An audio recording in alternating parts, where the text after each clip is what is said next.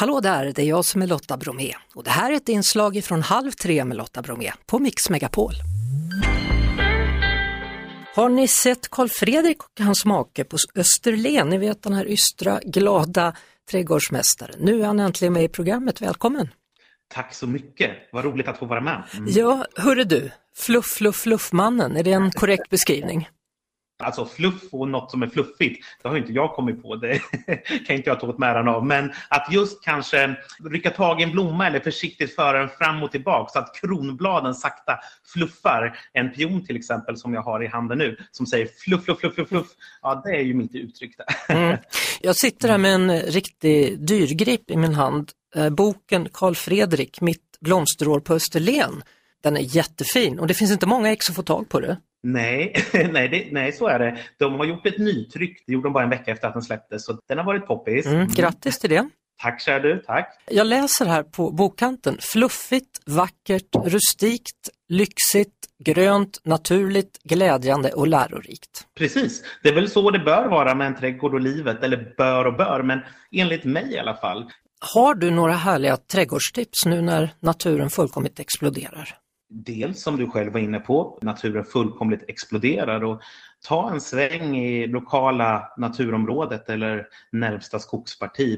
Det behöver inte vara att man åker långt, långt bort till något stort, vackert, fint naturreservat. Utan kolla in den där syrenen, Syringa vulgaris på latin, som står och blommar. Stanna upp och dofta på den. Har du en trädgård, ja men då är det dags att plantera och så såklart. Alltså om du inte planterar och sår, då får du inte heller skörda. Jag tänker att gödsel, det är precis som ett eh, Vasalopp med blåbärssoppa. Alltså du får inte glömma bort att gödsla, för då blir det ju ett Vasalopp utan blåbärssoppa precis i din trädgård och det blir inget bra.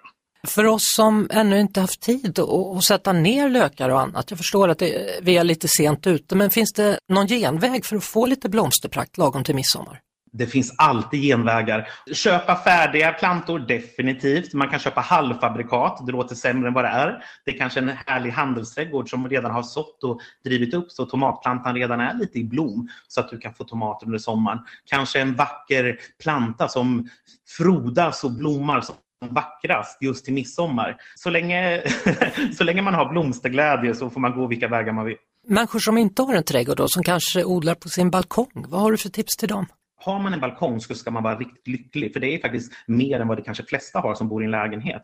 På en balkong så finns det liksom aldrig några fel lägen, utan däremot rätt växt på rätt plats. Har du en skuggig balkong, då är det ju begonior, fuchsia, hostor, funkia, klematis kanske som gäller. Men om du har riktigt solstängt balkong, då är det rosmarin och kanske tåliga medelhavsväxter och pelargoner till exempel. Så att det finns inga dåliga lägen. Det är som när man gick på förskolan och fick lära sig det finns inget dåligt väder, bara dåliga kläder. Och den jämförelsen går verkligen att använda på växter och trädgård också.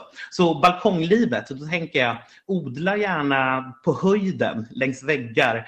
Ha krukor, amplar, alltså nyttja utrymmet, balkonglådor om du nu vill odla så går det att maxa på liten yta.